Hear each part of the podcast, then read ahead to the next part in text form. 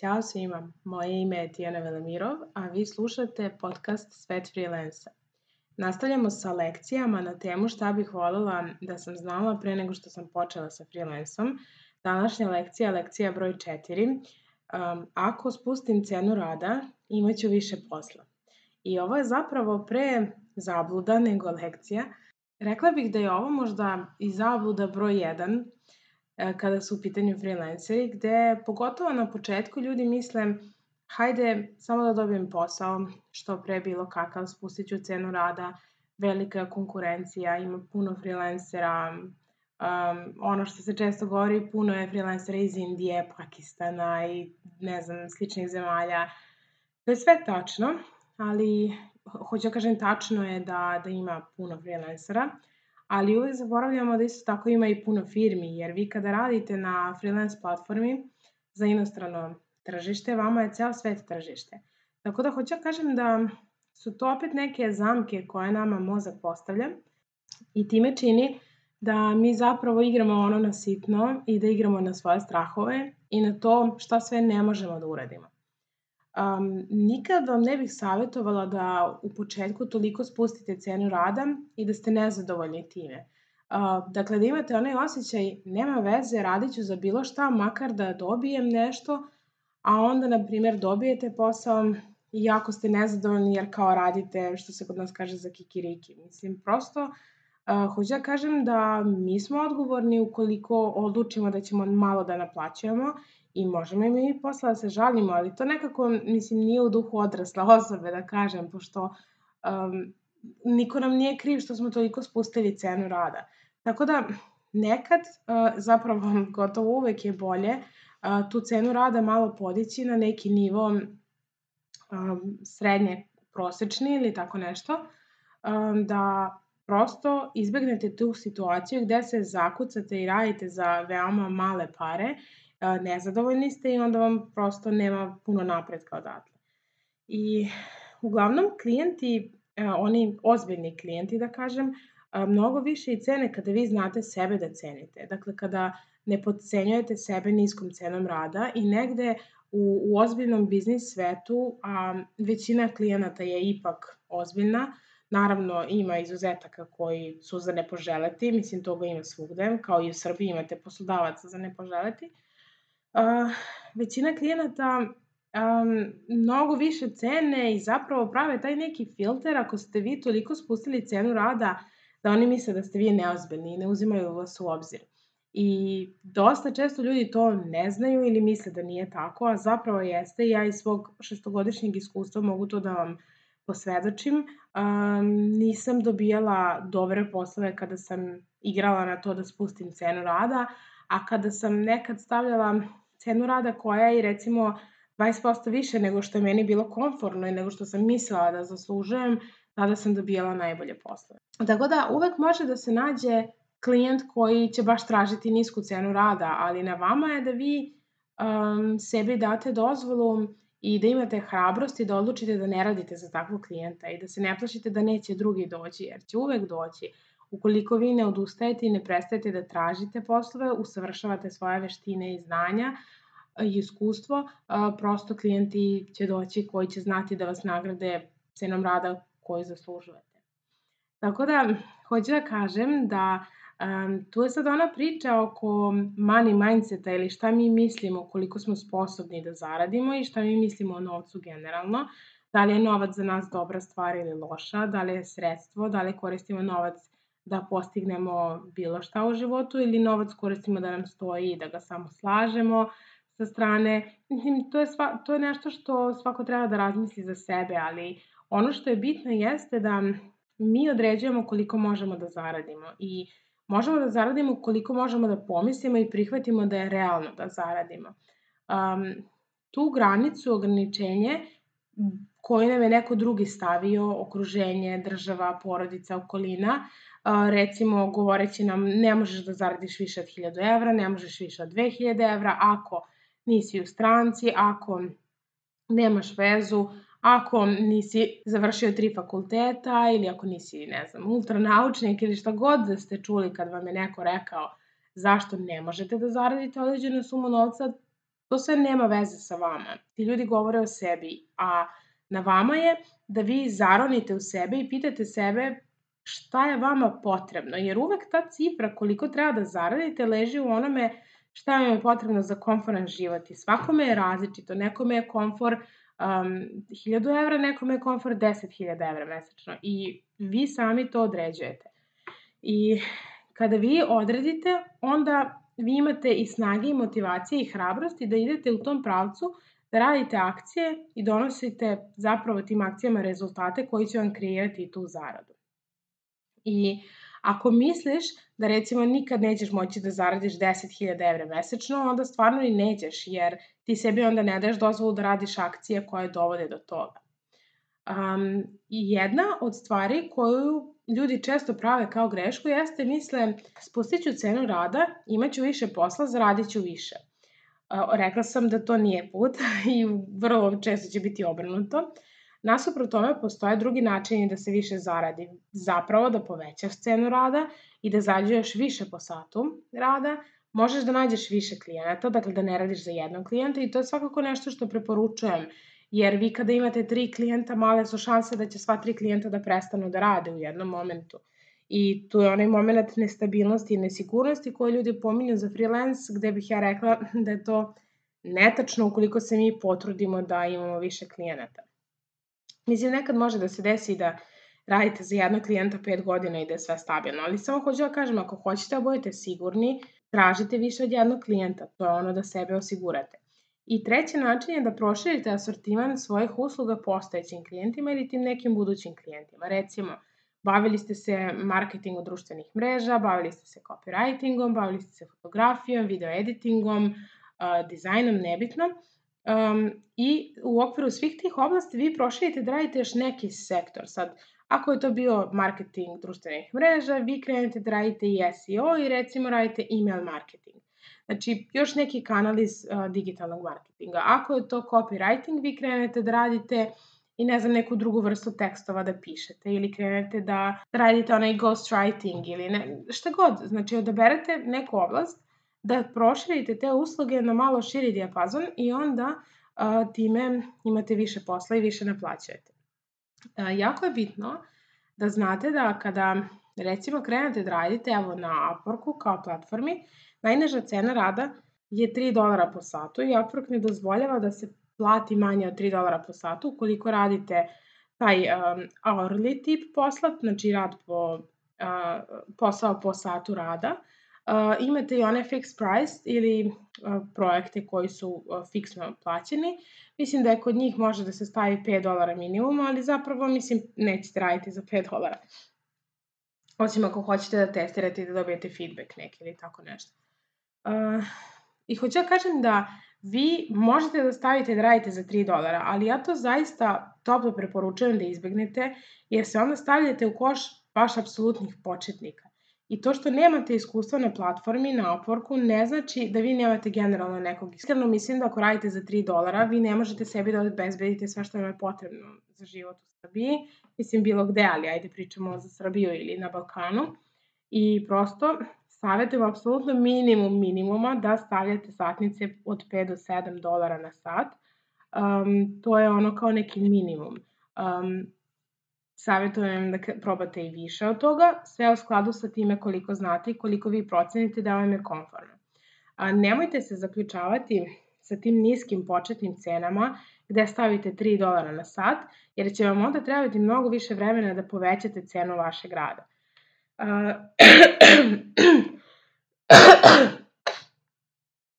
vi kada na Upworku otvorite profil i kada Recimo dobijete jedan posao za 3 dolara na sat, vama klijent posle završenog posla ostavi feedback, um, vi imate taj feedback javno i piše vam za koju satnicu ste radili. Osim ako ne uplatite onu njihovu mesečnu pretplatu koja je sad čini mi se 15 dolara mesečno, da uh, imate mogućnost da sakrijete svoja primanja, da stavite primanja, primanja na private. U tom slučaju nisu u mogućnosti da vide satnicu po kojoj radite, ali uh, oni vide uh, i tad kada pokrenu komunikaciju sa vama, onda im se odključava to da mogu da vide. Tako, tako da hoću da vam kažem da klijenti recimo sad vi ste radili za 3 dolara i shvatili ste da je to premalo i sad hoćete da radite za 10 dolara na sat. Ko je klijent video da ste vi radili za 3 dolara, njemu će naravno logično pitanje da bude, ali dobro, a što sad radiš za 10 dolara? Mislim, kao preveliki skok. Što ne kažem da ne može da se desi. Ispričat ću vam sada i moju priču, ali hoću da kažem da to može da bude neka zamka u koju sami sebe ubacujete. Dakle, probajte da ne stavljate najniže satnice, jer ono, ne služi vam ni u jednom slučaju.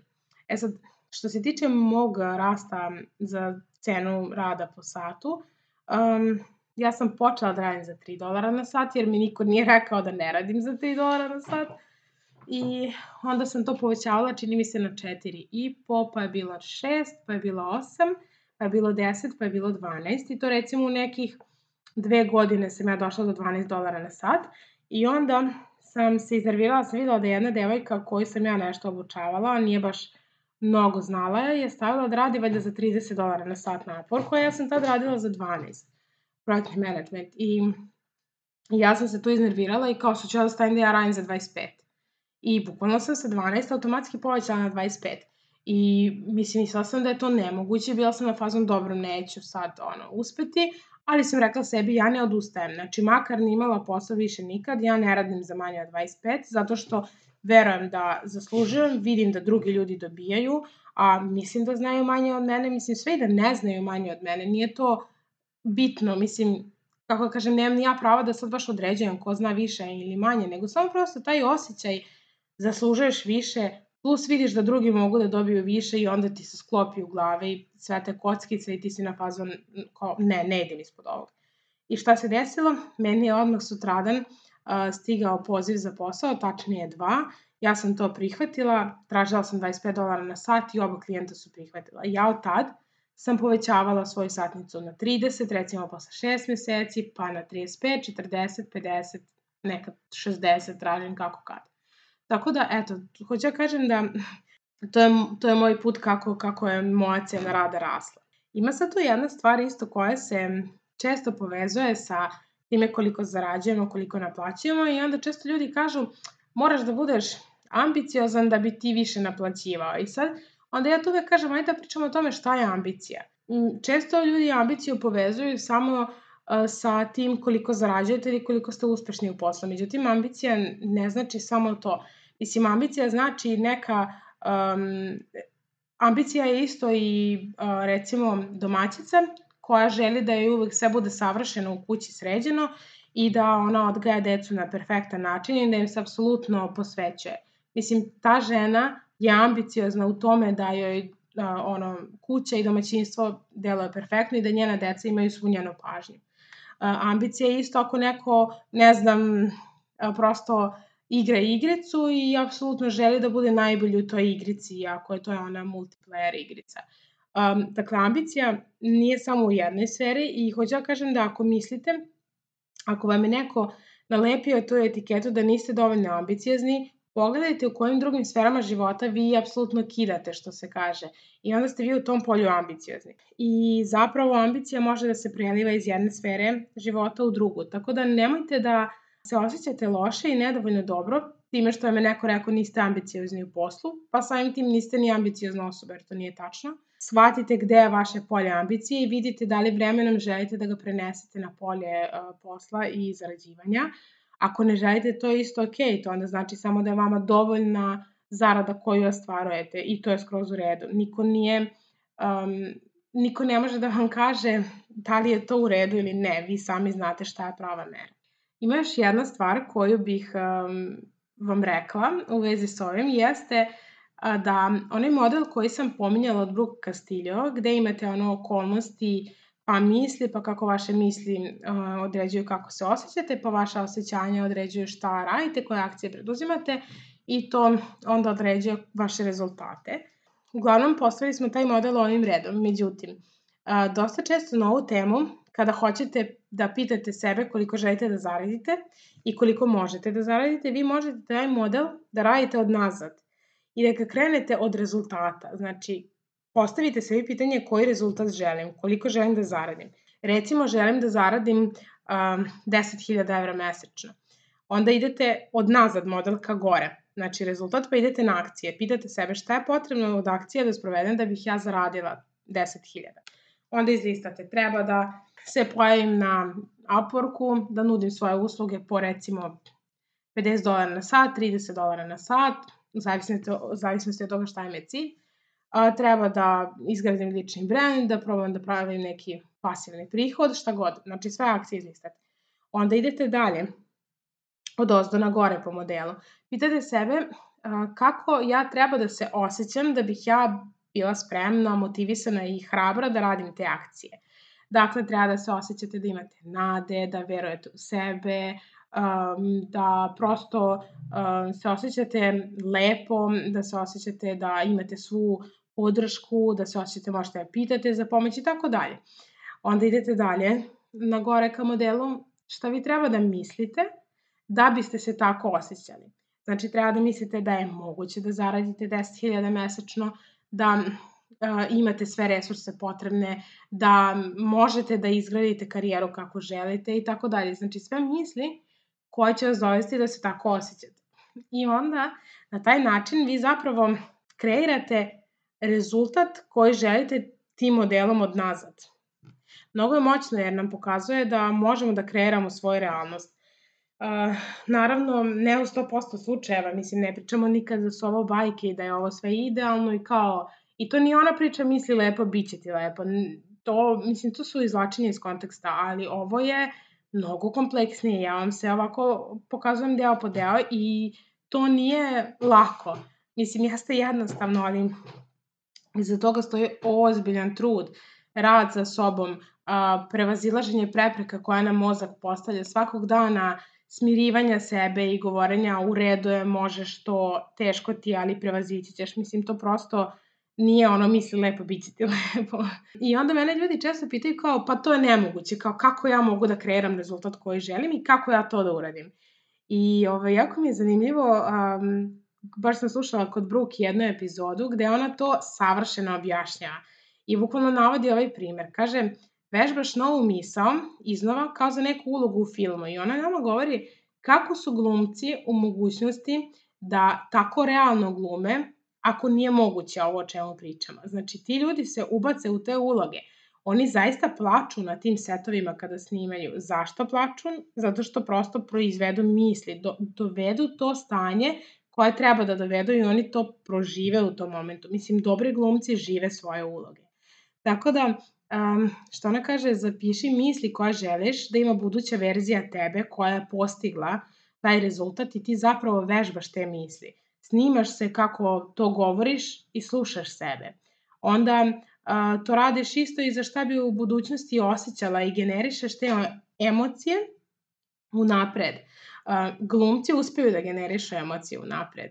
Glumci pišu svoje ono tekstove, memorišu ih, um, vizualizuju ih i prosto ih vežbaju kroz uh, prosto kroz um, glumu, oni to sve uspeju.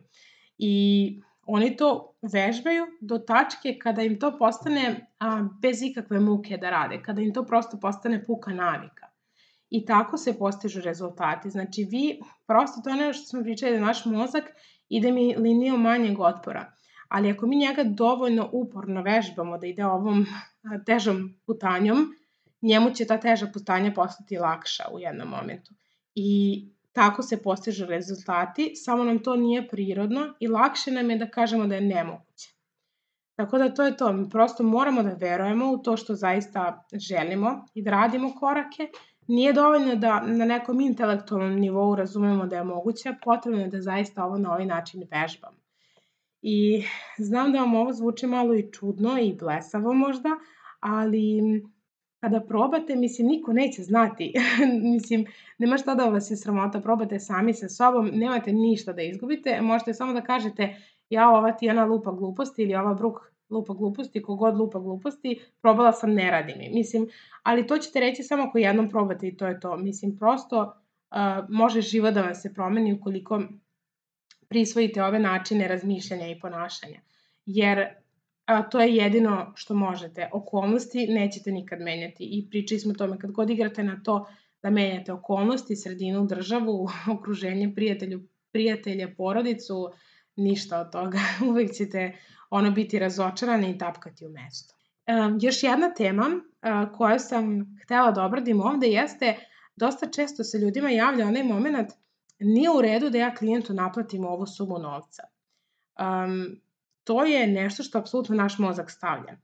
Um, mi nismo uh, dužni da mi određujemo šta, koliko naša usluga vredi. Klijent će proceniti koliko smo mi njemu vrednosti dali. Uh, mi ako sebi ne damo dozvolu da ne sabotiramo sebe, mi nikad nećemo onda dovoljno naplatiti uslugu i nećemo biti nikad zadovoljni. I prosto to je onaj moment kreiraj što više vrednosti za klijenta, probaj da prodaješ rezultate, a ne sate i vi kada prodajete rezultate, vi njemu kreirate vrednost, dovodite ga od tačke A do tačke B gde on želi da bude. I vi kao naplatit ćete vi po satu rada, ali nije bitno, ta satnica je bitno šta ćete vi za tih 5 sati recimo uraditi. I kad god vi njemu prodate rezultate, ta satnica će sama da raste. Sama po sebi prosto vi ćete biti vredniji član njegovog tima ili njenog tima i samim tim će vas platiti više. Isto to će vam dati i dozvolu da vi verujete da je u redu da naplatite x sumu novca, jer ćete i vi vidjeti promenu kod klijenta i to je taj pozitivni krug. I još jedna stvar za kraj, um, meni je ovo baš fenomenalno, ali mi dosta često mislimo da uh, kada budemo zaradili više novca, manje ćemo brinuti zbog novca ili bit će nam lepši život ili bit će nam sve lagodnije. Zapravo, na engleskom ide ona rečenica money makes you more of who you are.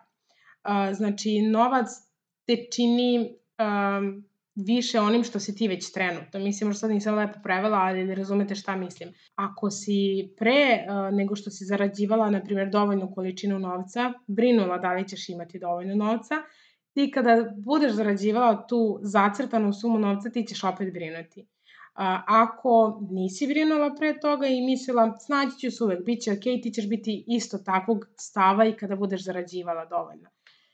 Um, isto tako, ako si bila darežljiva i kada nisi imala dovoljno novca i davala drugima čak i kada nemaš, ti ćeš biti darežljiva i kada budeš zarađivala novac puno ili koliko ili više nego što ti treba. A isto tako ako nisi davala kada, kada nisi imala, teže malo da ćeš davati kada budeš imala. I sad ja znam da ovo zvuči čudno, ali uh, to ćete vidjeti kada vi sad stvarno mislite da je, vaš, da je novac problem i kada, zaradite, kada zaradite dovoljno novca, bit ćete srećni i nećete imati brige. Ja sam kroz ovaj put prošla, apsolutno, 100%. Znači, mislila sam kad zaradim, kad budem imala da platim račune, da obezbedim moje, briga nema, bit ćemo svi srećni. Uh, verujte mi na reč, toliko puta mi se desilo da sam nesrećnija bila kada sam zarađivala više. I da sam zapravo bila više bezbrižna kada sam manje zarađivala, što je suludo, što ne mogu da verujem. Mislim, ono, meni su moji to pričali uvek, ali ja sam mislila, ma, lupaju oni gluposti, ne znaju. Ali to je stvarno tako. I vi kada zaradite više novca, te brige se samo multiplikuju. Vi smislite nešto novo zašto ste nezadovoljni. I tu je Zato mislim da je istina da ona money makes you more of who you are. Ako si pre toga, pre zarade um, dovoljne, mislila da imaš brige i da te nešto muči, kada zaradiš ti, tvoj mozak će smisliti nove brige i to je prosto tako. I zato mi je to mnogo moćno, jer ne treba da čekamo x zaradu novca da bismo bili mirni, spokojni, mislili da smo dovoljno dobri i tako dalje. To možemo već sad, a novac kada dođe, hoće samo da bude sredstvo koje će nam pomoći da neke stvari bolje, brže uradimo efikasnije. A neće nas promeniti kao osobu, neće nas živ, naš život procvetati, samo će neke stvari biti jednostavnije za izvođenje. A, time bih za, završila današnju epizodu i ostavila bih vas samo da razmišljate o tome šta bi za vas bilo ok koliko da zaradite, šta bi vam bilo konforno i donelo tu sigurnost i sa druge strane šta vam je ok koliko da naplatite klijentu. I zapravo to treba onda da vam a, skup te dve stvari, treba da vam bude odgovor na to koliko vi da naplatite i koju satnicu da stavite na porku. Jer dosta često mene ljudi pitaju, Tijana, koju satnicu da stavim na porku, ja im uvek kažem ovo, to vi određujete, a ne ja.